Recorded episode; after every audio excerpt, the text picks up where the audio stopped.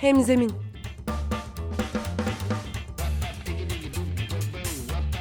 Daha iyi bir sosyal fayda iletişimi için fikirler, tartışmalar, örnekler.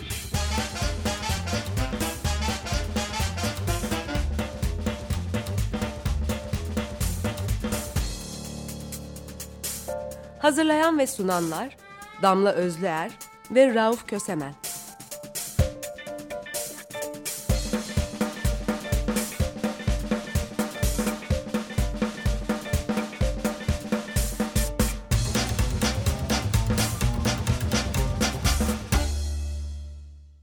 Herkese merhaba. Hemzeminde Açık Radyo'da Rauf ve Damla ile berabersiniz. Her zamanki gibi sosyal fayda iletişimi üzerine konuşacağız. Bu kez geçtiğimiz hafta yaptığımız hatadan ders alıyoruz ve elektronik posta adresimizi önden veriyoruz. Program dahilinde ya da sonrasında sormak istediğiniz sorular için bilgi.hemzemin.org'dan bize ulaşabilirsiniz. Bugünkü Hemzemin'in ana başlığı sivil toplumun reklamı olur mu? Ya da daha değişik tonlarsak sivil toplumun da reklamı mı olurmuş canım dediğimiz bir e, başlık. Biraz provokatif bir başlık ama bunu söylerken hemen şeyi merak ediyorum. Niye reklam ve sivil toplum kelimeleri yan yana geldiğinde provokatif oluyor? Provokatif olmuyor canım. Valla e, çünkü reklam kirli bir şey olarak algılanıyor. E, bu sonuçta ticari iletişimde kullanılan bir kavram reklam. Bu kirlilik de e, sivil toplumun da doğal olarak temiz algılanmasından dolayı o da kendi başına tartışılır ama doğal olarak temiz algılanmasından dolayı reklam ve sivil toplum bir araya gelince kirli bir şey temiz bir şeyi kirletiyor gibi düşünüyoruz herhalde. Peki Ama, böyle mi olmalı? Reklam dediğimiz e, talep edeceğimiz bir şey değil mi? Valla değil aslında temizlenmesi gereken bir kavram aslında reklam. Yani bizim e, üzerindeki kirlilerden temizleyip ona sahip çıkmamız gereken pek çok şeyden biri reklam. Reklam reclaim kavramından geliyor. Geri istemek, yeniden talep etmek, iadesini istemek, geri çağırmak, evcilleştirmek, yola getirmek, ıslah etmek, düzeltmek, geliştirmek, yeniden kullanmak, yeniden tanımlamak, değerlendirmek gibi anlamlar içeriyor. Aslında konumlandırmak diye bir Türkçe geniş bir karşılığı var reklamın burada. Reclaim kelimesinin e, şeylerinden biri de talep etmek ya geri istemek anlamına geliyor. Aslında evet yani biz reklamın itibarını, reklam kavramının itibarını bugünkü mevcut haliyle ticari reklamı değil ama reklam kavramının itibarını geri almalıyız hep sorulan ve bize gelen sorulardan biri sivil toplum kuruluşları iletişim ya da reklam yapmak zorundalar mı? Zaten iyi bir iş yapıyorlar. Ee, bu varlıklarının meşruiyetini yeterince sağlamıyor mu? Niye bir de reklam yapsınlar? Valla öyle değil işte bu işler. Çünkü gördüğünüz zaman e, bir reklamı veya bir ilanatı gördüğünüz zaman o zaman anlıyorsunuz karşınızda kimin olduğunu. Şimdi bir fark etmek lazım bir kere bir şey. Yani hayattaki gibi bakalım buna. Fark ettiğiniz zaman onunla ilgili bilgi ediniyorsunuz bildiğiniz zaman ilgilenmeye başlıyorsunuz ya da ilgilenmemeye bir tercih kullanıyorsunuz. Tercihiniz eğer ilgilenmek yönündeyse bu bir sempati var demek ortada. Sempatiye dönüşmüş demek. Bu sempati bir desteğe dönüşebiliyor ve sonra da işbirliğine dönüşebiliyor. Bu ticari reklamda satın alma davranışıyla sonuçlanıyor ama sosyal fayda reklamcılığında işbirliğiyle sonuçlanıyor. Eğer STK'lar kendilerine destek veren ve kendileriyle işbirliği yapan insanların sayısını artırmak istiyorlarsa o zaman iletişim yapmak zorundalar.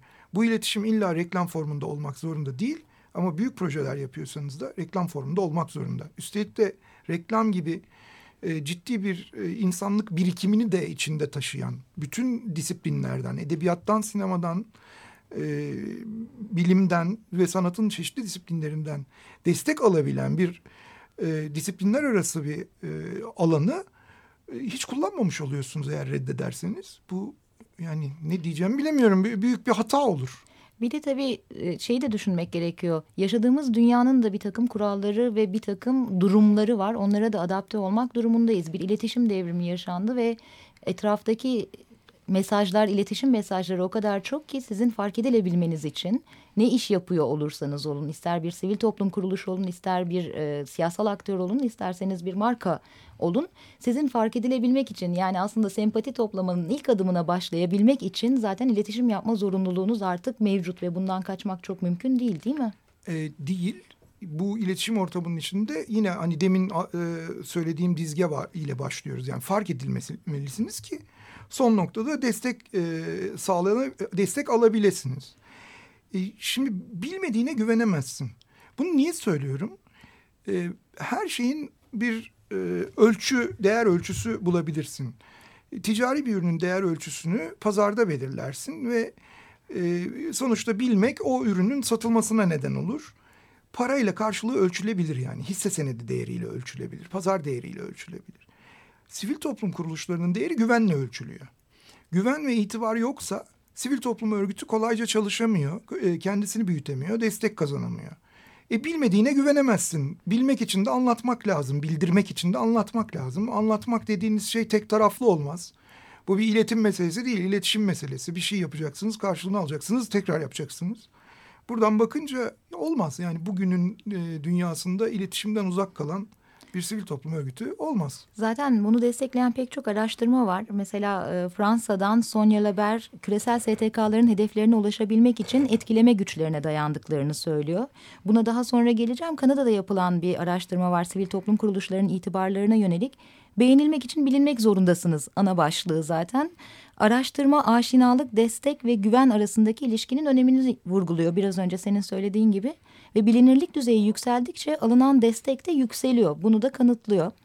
STK'ların hesap verebilirliğinde bir itibar tuzağı diye Kuzey Carolina Üniversitesi Siyaset Bilimi Fakültesinden dört öğretim görevlisinin yaptığı bir araştırma var. Sivil toplum kuruluşları yönetimleri son yıllarda önemli sorunlarla karşı karşıya. Yönetimlere yönelik tartışmaların büyük bir bölümü hesap verebilirlik üzerinden kurgulanıyor diyorlar. Araştırma hesap verebilirlik hedefiyle yapılan raporlama, kısa vadeli fon bulma ki bu en önemli işlerden biri olarak görünüyor. Bu tür aksiyonların fazla önem kazandığını ve kurumun uzun vadeli politikalarıyla çelişip kısa vadeli hedeflerin uzun vadeli itibar yönetimini parçaladığını gösteriyor. Bu noktada da yönetimin stratejik kararları kadar uzun vadeli kurgulanmış bir iletişim stratejisinin de hayati önem taşıdığını ve elzem olduğunu söylüyorlar. Sonya Leber'e Bunların döner... hepsi STK'lar için değil Bunların mi? hepsi STK'lar için yapılmış özel araştırmalar. Sonya Leber'e dönersek küresel STK'ların hedeflerine ulaşabilmek için etkileme güçlerine dayandıklarını söylediğini ilettim biraz önce. Ve diyor ki bu etkileme gücü e, şirket dünyasının marka gücüne denk bir şeydir.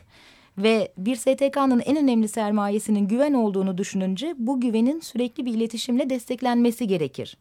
Tam bu noktada bambaşka bir tartışma açılıyor önümüze. Çünkü Jonathan Woodliff ve Christopher Derry şöyle bir şey soruyorlar. Diyorlar ki 2000'deki Seattle ve ardından gelen Davos gösterileri sırasında önemli bir değişim oldu. STK'ların artık sofistike iletişim teknikleri kullanan birer yapıya büründüğünü kabul etmemiz gerekiyor. Yani sormamız gereken soru şu ki yeni süper markalar sivil toplum kuruluşları mı? Bu da açtığı tartışmaya baktığımızda STK'ların artık küçük aktivist grupları olarak düşünülmediğini gösteriyor. Özellikle şirketler ve hükümetler üzerinde baskı kurabildikleri oranda uluslararası eğilim oluşturan birer süper marka gibi hareket edebildiklerini görüyoruz. Bu oldukça ilginç bir tartışma konusu değil mi? Yani tam eyvah eyvah denecek bir tartışma. Çünkü bizim sivil toplumcularımızın hiçbir zaman bir arada görmeyi e, çoğu zaman diyelim bugüne kadar e, hoşlanmadıkları kavramları bir araya getirdik birdenbire. Marka bir de süper marka üstüne. Şimdi bu tabii e, şöyle aslında STK dediğiniz tepeden tırnağa iletişime kesmiş, kesmiş bir şeydir. Yaptığı her şeyi anlatmak, yaptığı e, şeyler için çağrı yapmak, insan kazanmak, kaynak kazanmak e, falan zorunda olan bir e, organizasyondan söz ediyoruz. Burada sofistike iletişim tekniklerini kullanmak demek aslında çeşitli eventlerle, çeşitli e, kampanyalarla insanların kendilerini görmesini sağlamak, toplumun kendilerini görmesini sağlamak oluyor. Yani kah bir yere zincirliyorsun kendini, kah bir yerden olmayacak bir yerden bir pankart sallandırıyorsun aşağıya falan. Bunların hepsi iletişim işi aslında. Yani buna eylem e, diyebilirsin ama son noktada bu topluma mesaj vermek için yapılan bir şey. E, süper markalar mı meselesinde de e, valla böyle bakılabilir. Çünkü bir marka olarak STK dediğin zaman şöyle kabaca analiz edelim. Marka ne? Marka mark kelimesinden geliyor. Yani markingten, işaretlemekten, damgalamaktan geliyor. Tarihteki ilk kullanımları işte hayvan çiftlikleri sahiplerinin hayvanları sahiplenmek için üzerlerine koydukları işaretler.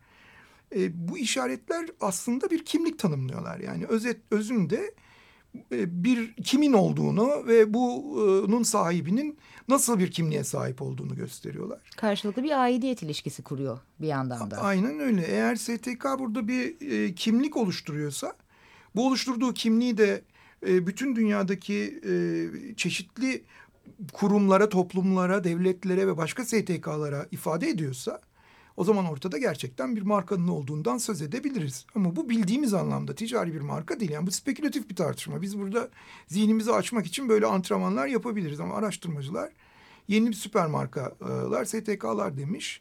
E, evet benziyor çünkü ticari markalarla e, yan yana konduğunda güçleri. Yani kim olduğunu şöyle düşün. Dünyanın herhangi bir yerine gittiğin zaman bir e, zincir mağazadan, bir zincir paptan, zincir kafeden alışveriş yapacaksan buradan aşina olduğun kafeden gidip alışveriş yapıyorsun. Bu zaten bir süper marka e, pozisyonu demektir. Aynı şekilde dünyanın herhangi bir yerinde de bildiğin bir sivil toplum örgütünün kapısını çalabilirsin. E, ilişkisellik açısından, insanlarla girdiği ilişkisellik açısından, bilinirlik açısından, markalaşma macerası açısından arada büyük bir fark yok. Ama zaten bütün iletişim tool'ları arasında fark yoktur neredeyse. Bu aslında bu kadar ters köşe bir soru sorarak bize bir başka farkındalık yaratıyor. Sivil toplum kuruluşları da yaptıkları kısa vadeli ve uzun vadeli aksiyonlarda kendi kimliklerini oluşturduklarını bilinç düzeyine çıkarmalılar. Bir yandan sizin yaptığınız her tür kısa vadeli fon bulma e, harekatı da sizin kendi kimliğinize yapışan şeyler oluyor. O yüzden de Kuzey Carolina Üniversitesi'ndeki araştırmaya da dönerek oraya da referans vererek söylemek gerekirse kısa vadeli ya da uzun vadeli yaptığınız her hareketin sizin uzun vadeli hedefinize, meselenize, kimliğinize mutlaka uyuşan bir noktası olması gerekli demek lazım değil mi? Evet e, çünkü uyuşmasa bile hayatın içinde e, bunlar bir araya gelecektir ve üstünüze yapışacaktır bir fonlama biçimi için ya da bir insan e, grubundan destek almak için kullandığınız bir sözü ben bunu bir daha kullanmayacağım falan e, demekle o sözden kurtulamazsınız. O üstünüze yapışır. Aa o zaman şunu söyleyen STK o değil miydi filan derler size. O yüzden de attığınız her adımı stratejik atmak zorundasınız. Yani bir marka, bir ticari marka e, bunu bir şekilde yönetebilir de STK'nın yönetmesi çok daha zor. Tam bu noktada aslında bir nefes alalım diyorum. Çünkü üst üste çok fazla ters köşe e, şey boca ettik dinleyicilerin de üzerine hem sivil toplum hem reklam hem süper markalar derken bir nefes alma vakti gelmiştir. Bir müzik arası verelim. Onda da enteresan bir grubumuz var. 2009 baharında Viyana'da kurulmuş bir alternatif rock grubu. Adları The NGOs yani STK'lar. Gerçekten de sivil toplum kuruluşlarının küresel olarak aralarında işbirliğini ve iletişimi güçlendirmek üzere müziği kullanmak için yola çıkan bir grup bu. Onların Survivor albümünden bir şarkı dinleyeceğiz. Free. Evet çok ilginç bir şey zaten. İsimlerinin NGOs olması da çok acayip bir şey gerçekten. Bu acayip grubu dinleyelim sonra devam edelim.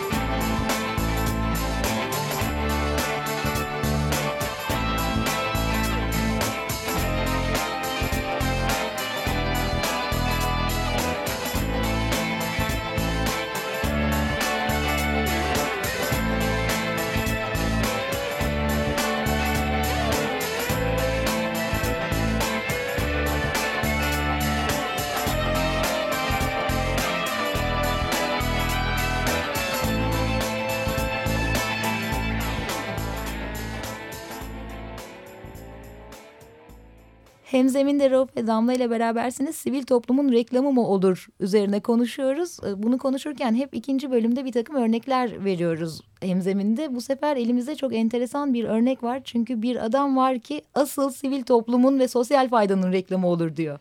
Evet bir de o adam e, bir reklamcı dünyanın da e, ilk yüz reklamcısı arasında 23. sıradan girmiş bir adam. Bu Howard Gossage 1917'de doğmuş 69'da ölmüş. Lakabı San Francisco'nun Sokrat'ı. E, bir Friends of the Earth diye bir örgütün de kurucularından. Yani dünyanın dostları diye çok bugünkü manada çevre örgütlerinin, doğa dostu örgütlerinin olmadığı bir tarihte 64 galiba kurulan bir örgütün de kurucularından. Çok ilginç bir adam. E, ajansında 12 13 kişiden fazla insan çalıştırmıyor mesela. Böyle ilginçliklerinden bir tanesi bu. E, ama daha e, acayibi e, şöyle bir şey. E, bu adam Büyük Kanyon'un e, Utah'taki Grand Canyon'un yani baraja dönüştürülmesini engellemek üzere bir kampanya yapmış bir adam 1966 yılında. Bu oldukça önemli bir kampanya çünkü aynı zamanda çevre hareketinin iletişim kampanyalarının mihenk taşlarından biri hatta başlangıç noktalarından biri sayılıyor değil mi? Evet e, ilk örnek e, diye geçiyor genellikle bir kitlesel kampanya ve bu yani daha doğrusu bir reklam kampanyası bir kitlesel karşı çıkışa dönüşüyor. Bir tane ilan yayınlıyor. İlanın başlığı e, şöyle bir şey. Büyük kanyonun kar için sular altında kalmasını sadece sen engelleyebilirsin başlığını taşıyor ilan ve e, altında anlatıyor süreci neler olduğunu anlatıyor. Sonra bunun arkasından çeşitli gösteriler yapılıyor. İşte Grand Canyon'u bırak, e, rahat bırak, e, Grand Canyon'u koru e, falan diyerek.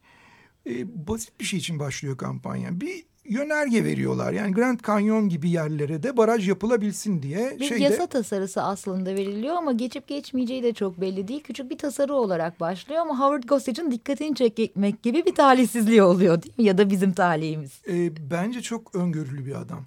Çünkü olabilecek bir şey olduğuna inanıyor bunun. Bunun Hı. olabilecek olduğuna inandığı için yarın benzer bir şey yapılırsa e, neyle karşılaşacağını önceden göstermek için yapıyor bu ilanı. Proaktif bir tavır alıyor yani. E, bu San Francisco'da bir itfaiye binası, binası satın alıyor. O itfaiye binası işte böyle e, üç dört katlı falan içinde çeşitli aydınların e, işte Steinbeck'in, Tom Wolf'un falan da böyle gelip hayatını geçirdiği falan bir yer burası. E, bütünüyle burada yapıyor e, faaliyetleri. Üç ortaklı bir ajansı var. Freeman Mander ve Gossage ajansına adı yani böyle üçlü isimler olur ya Amerikan ajanslarında ortakların ismi geçer. E, bu şeyin Grand Canyon'daki baraj meselesinin e, aslında hiçbir zaman olmayacağını falan iddia ediyor mesela birisi. Daha sonra biyografisini yazan bir adam Steve Harrison bu da bir reklamcı. E, zaten asla geçmeyecekti bu yasa diyor ama o kadar e, erken tavır aldı ve o kadar şey yaptı ki bir daha kimse düşünemedi bile diyor böyle bir şey yapmayı e, diyor.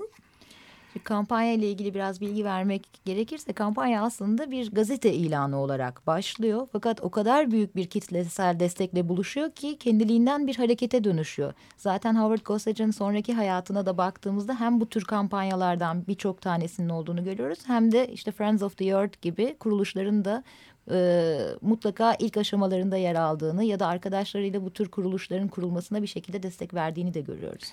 E, Türkiye'de gazetecilikle ilgili bir kitap yayınlandı. Reklamcılıktan nefret eden reklamcı başlığını taşıyan bir kitap yayınlandı. Kitap çok yeterli değil. E, çünkü bugünün ticari reklam dünyasının ihtiyaçlarını karşılayacak şekilde e, kurgulanmıştı. Ama bu e, Howard Gossage gerçekten değişik bir adam reklamcılık açısından. Mesela şöyle diyor. E, biz diyor insanları reklamla karşılaşacakları yerlerin dışında reklama maruz bırakamayız insanları diyor. E, billboardları istemiyoruz diyor. Billboard insanların reklamla karşılaşacaklarını, karşılaşacaklarını bilmedikleri alanda çıkıyor karşılarına diyor. Televizyonda reklam kuşağı giriyoruz. Gazetede zaten sayfayı çevirdiğinde reklam olduğunu biliyor ama burada böyle bir şey yok diyor. Mesela hiç billboard kullanmıyor ömrü boyunca. 17 yıllık reklamcılık hayatı var. Zaten öldüğünde e, ajansı da kapanıyor. Onun için David Ogilvy'nin şöyle bir sözü var. E, Gossage reklam sektörünün kendini en iyi ifade eden isyankarıydı reklamın ticari ürünler için harcanamayacak kadar değerli bir araç olduğuna inanırdı. Ona göre reklam varlığını ancak sosyal amaçlar için kullanıldığında haklı gösterebilirdi diyor. Bu yaklaşımdan daha sonra mesela e, ilginç e, kampanyalarda çıkmıştır çeşitli markalar için şimdi ismini veremeyeceğim ama hani dünya e, üzerindeki bütün insanların kardeşliğini anlatabilmek için farklı renklerde çocuklar kullanan bir tekstil markası vardı mesela. Bu Gazac'ın yaklaşımının tercüme edilmiş halidir aslında. Sempati toplamak istiyorsanız sosyal bir fayda üretin. Reklamınızı da onun için kullanın. Dünyanın bütçesini harcıyorsunuz. Bu harcadığınız bütçe bir işe yarasın diyor adam. Bu işin markalar tarafı ama aslında gazetacılığa ilgili söylenen e, bu söz bizim bugün sorduğumuz sorunun tam da cevabı oluyor. Sivil toplumun reklamı olur mu? Olur. Üstelik de iyi yapılması gerekir ve doğru yapılması gerekir. Reklam da varlığını böylelikle en azından bir haklılık çerçevesi içerisine oturtabilir diyor. E, evet yani demin konuştuğumuz mesele, birinci bölümde konuştuğumuz mesele. E, reklamın elinde çok güçlü araçlar var gerçekten. Bugün bildiğimiz iletişim e, tekniklerini çok iyi kullanan, bu konuda yetkinleşmiş kadroları var. Bu konuda yetkinleşmiş teknolojileri var. E, izleme, değerlendirme, yönlendirme açısından son derece güçlü yöntemler kullanıyor. Yani sivil toplum örgütlerinin ya da sosyal fayda üreten çeşitli projelerin bundan kendini azade tutması, bunu kirli bir şey olarak görmesi kabul edilebilir bir şey değil. Zaten kendi başına herhangi bir sistem ya da herhangi bir e, disiplin kirli olamaz. E, Doktor Mengele bir doktordu. Yani e, amacı hayat kurtarmak olan, insanların sağlığıyla uğraşmak e, olan birisi e, Nazi Almanya'sında ne acayip e, şeylere imza atmıştı. Yani biraz böyle e, bakmak lazım bu hikayeye. Bir disiplin kendi başına kötülük üretmez. İnsanın içinde e, o disiplini kullananın diyelim, kullanan iradenin içinde şekillenir iyilik ya da kötülük olacağı. O yüzden de e, yani sivil toplum e, kendisini reklamdan uzak tutmak, iletişimden uzak tutmak, araştırmadan uzak tutmak, çeşitli e, avantajlar sağlayabilecek topluma kendisini anlatacak e, iletişim fırsatlarından uzak durmak gibi bir lüksü yoktur. Bu hafta hemzeminde sivil toplumun reklamı olur mu diye sorduk ve mümkün olduğu kadar cevap vermeye çalıştık. Haftaya kurumsal sosyal sorumluluk projeleri üzerine ve onların iletişimleri üzerine söyleyeceğimiz ilginç şeyler olacak. Ondan sonraki haftalarda da yine ilginç konularla sosyal fayda iletişimi üzerine tartışmalar, fikirler ve örnekleri sizlere getireceğiz. Damla ve Rauf hoşça kalın der. Hoşça kalın. Hemzemin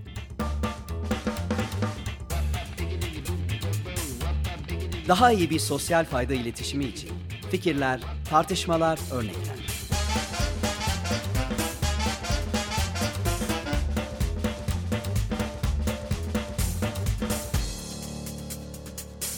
Hazırlayan ve sunanlar Damla Özlüer ve Rauf Kösemen.